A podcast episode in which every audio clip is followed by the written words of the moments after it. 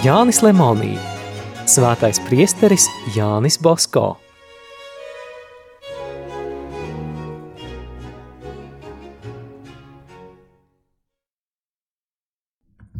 Otrās daļas otrā nodaļa – Svētdienas oratorija – šķēršļi no 1844.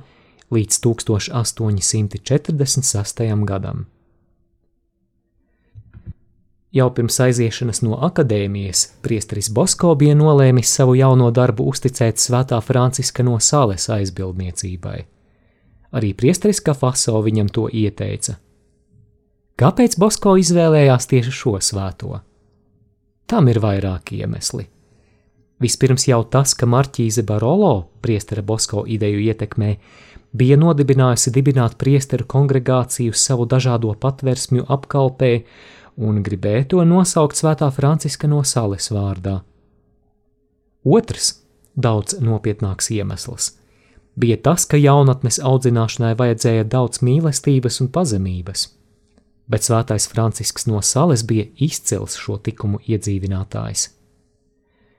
Vēl arī tādēļ, ka tajos laikos Itālijas ziemeļos, sevišķi Piemontā, sāka darboties protestanti. Bosko no sava aizbildņa gribēja izlūgties palīdzību šo viltus praviešu, ar kuriem svētais Francisks no sales tik sekmīgi cīnījās 17. gadsimtā apkarošanai.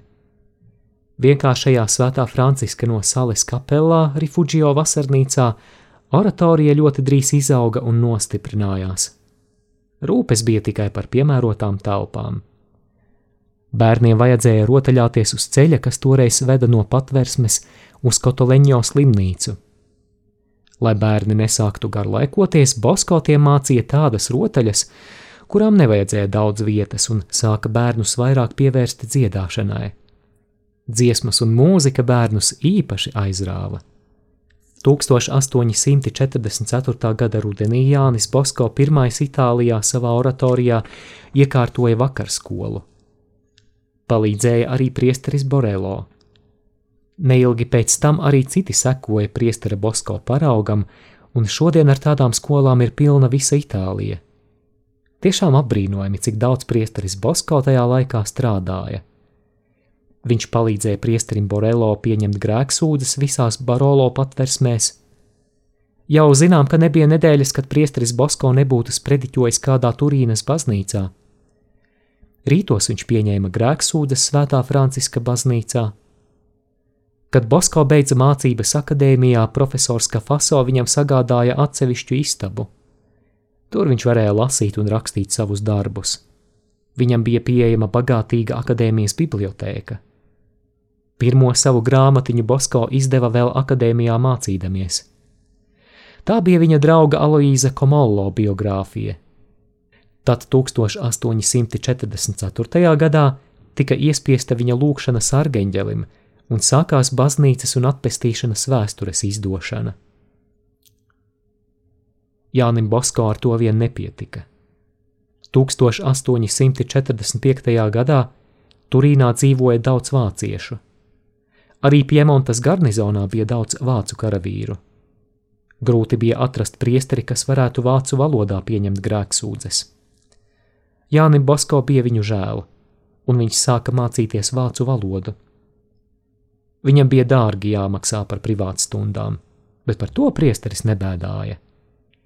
Pēc 16 nodarbībām viņš jau varēja uzklausīt grēksūdzes vācu valodā, Vācu ieceļotāji un karavīri drūzmējās pie viņa biktskrēsla. Priesteris Bosko viņiem sniedza garīgu palīdzību trīs gadus. Tas ir līdz tam laikam, kad pārtrūkstot sakariem starp Piemontu un Austriju, vāciešiem bija jāatgriežas savā zemē. Nemazāk Jānim Bosko rūpēja cietumi. 20 gadus viņš darbojās tajos, kaut arī savās piezīmēs viņš par to nerunāja. Palīgus šim darbam viņš atrada pašu cietumnieku vidū, tādus, kas tiešām bija nolēmuši dzīvot kristīgi. Dažreiz viņš sarunājās ar saviem draugiem par ticības patiesībām. Dialogs bija tik jocīgs, ka arī citi cietumnieki sāka tajā ieklausīties, un bieži vien arī paši iesaistījās sarunās ar jauno labo priesteri. Katrā lielākā svētku dienā priesteris Bosko pieņēma grēksūdzes un atjaunoja Kristus mieru cietumniekos, kas ilgus gadus bija dzīvojuši bez ticības, netikumībā. Tomēr maldīgi būtu domāt, ka tādām sekmēm vajadzēja maz pūļu. Katra pie Kristus atgrieztā dvēsele priesterim maksāja ilgas lūkšanas un asu gandarīšanu. Viņam bieži sāpēja zobi un galva. Ir zināms, ka Bosko to lūdza no dieva kā gandari par smagajiem cietumnieku grēkiem. Reiz priesteris Rufino jautāja, kādu gandari viņš liek izpildīt cietumniekiem.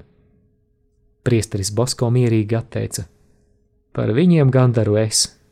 Ja es to nedarīšu, tad viņi tik un tā to neizpildīs.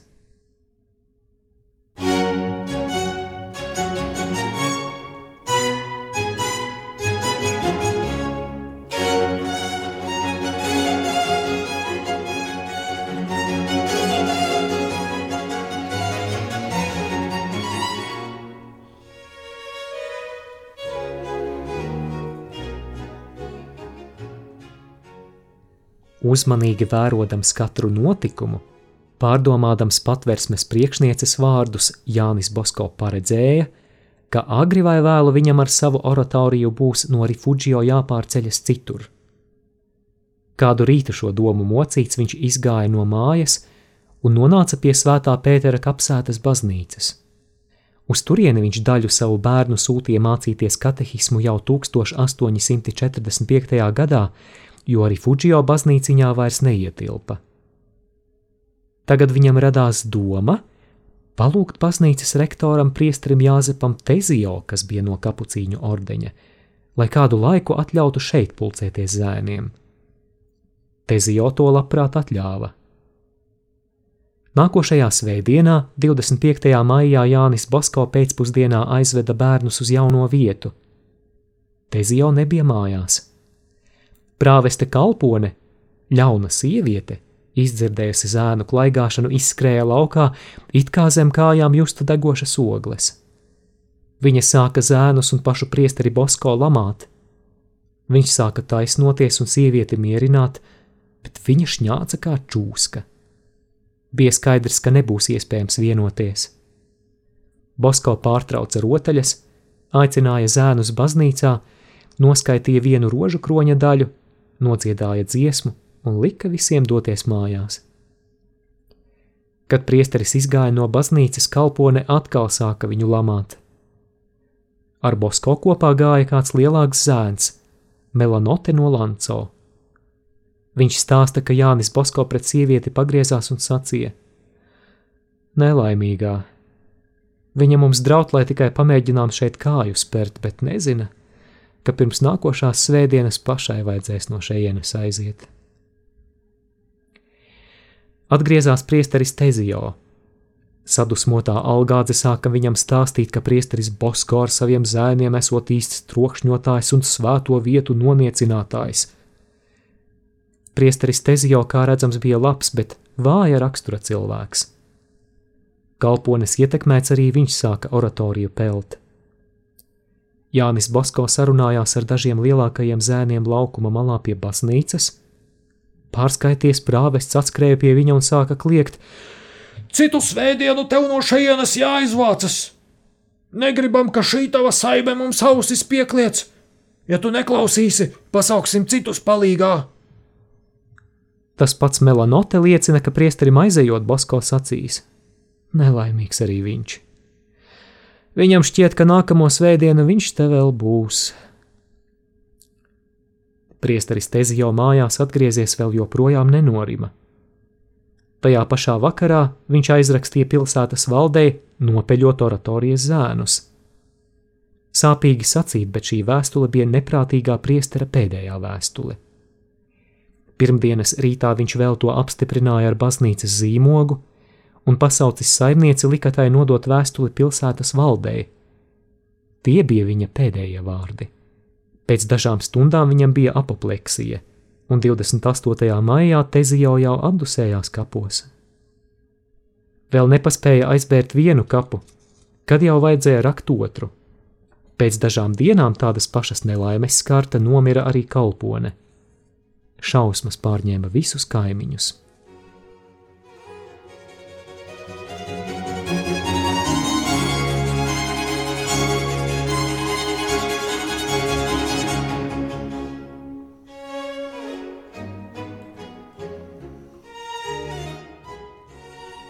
29. maijā priesteris Kafaso rakstīja vēstuli grāfienei Rufino, kāda pilsētas valdes locekļa sievai, lūgdams, lai tā pierunātu savu vīru ierādīt priesterim Basko mirušā priestera vietu.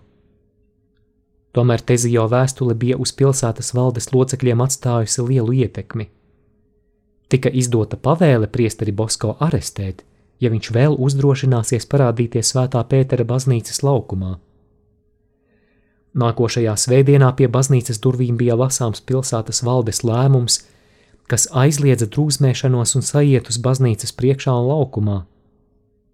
Daudzi bērni, neko nezinādami, aizskrēja uz turieni, lai piedalītos priestera Bosko celebrētajā misē, bet atraduši sludinājumu un policistu baru, nobijušies, skrēja uz Rifugio. Svētās Filomenas patversmē priestera Bosko oratorija bija atradusies septiņus mēnešus. Bērnu skaits bija jau dubultojies, un bija skaidrs, ka to skaits vēl pieaugs. Te jūlija mēnesī priesteris Bosko saņēma rīkojumu, ka oratorijai Rifugio jāatstāj.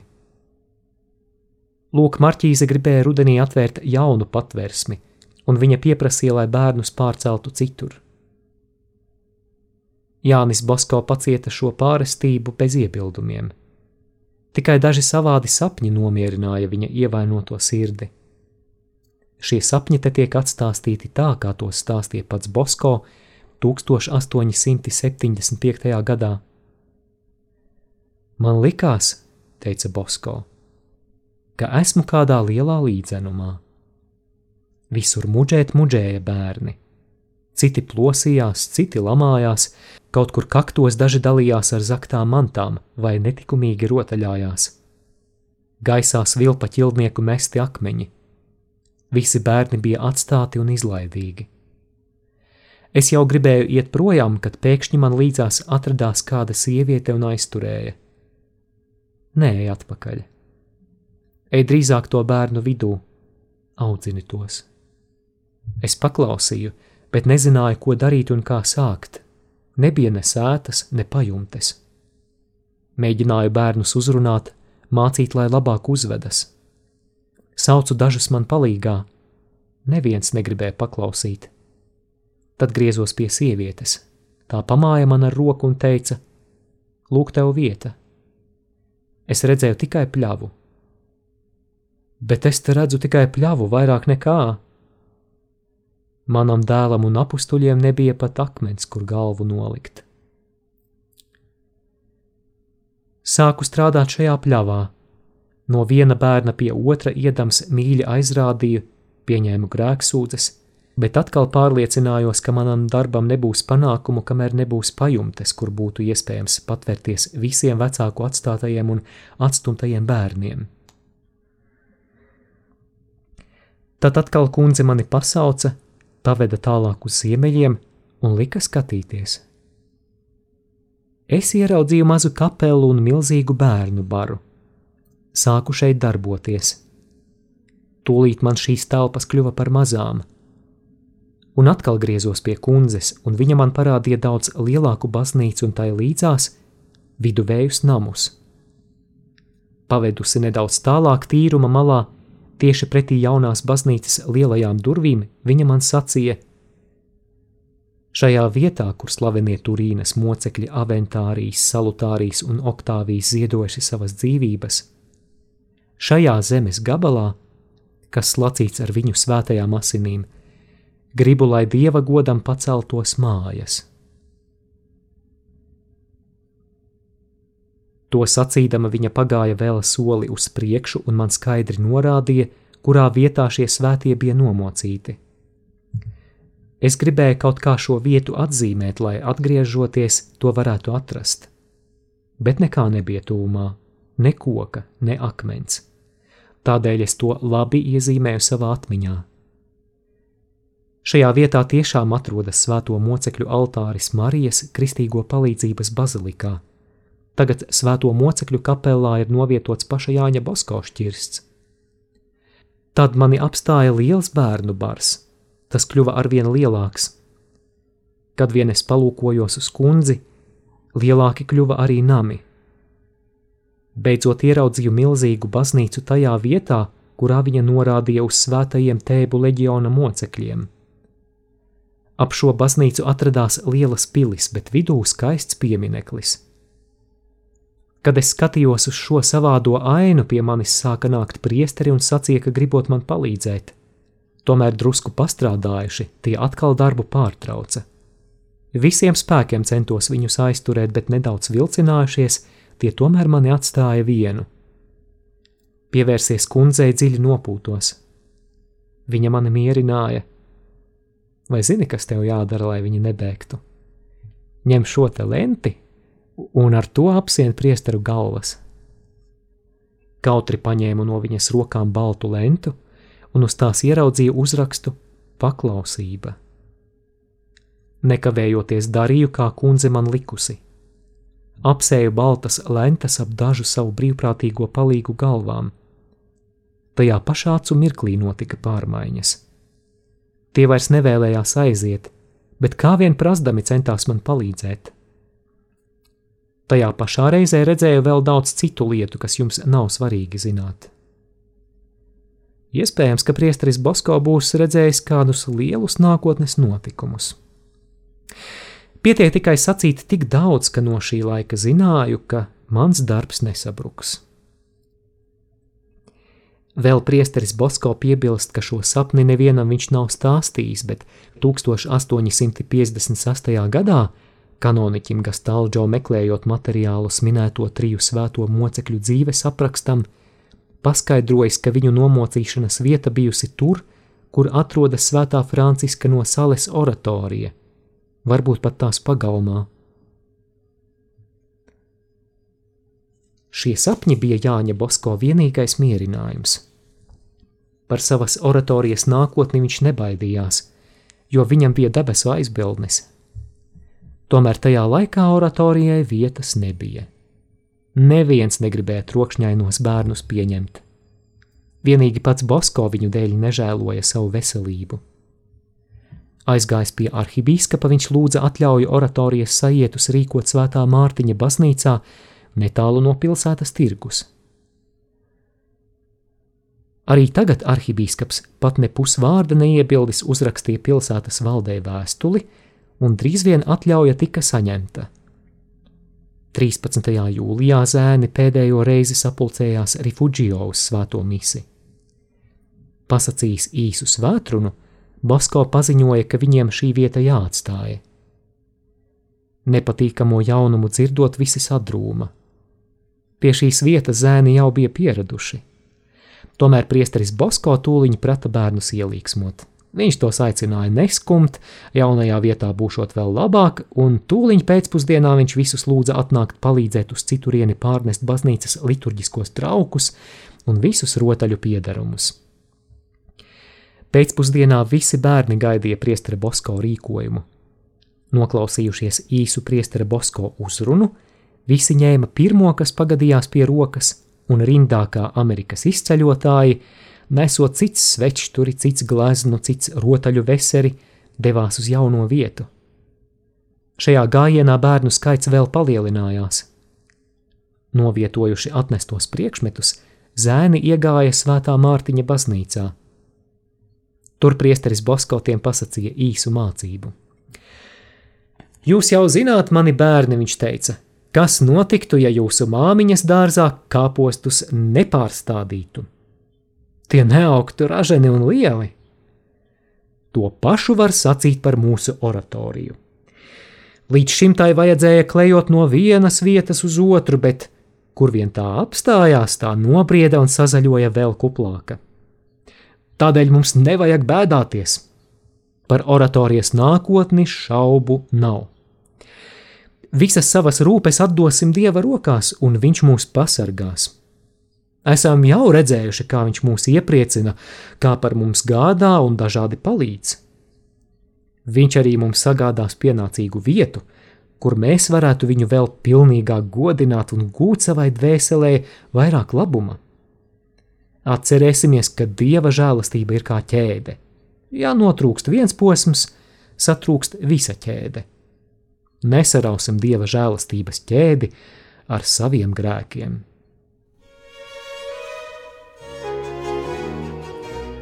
Izskanēja lasījums no Jāņa Lemonija grāmatas Svētais priesteris Jānis Bosko.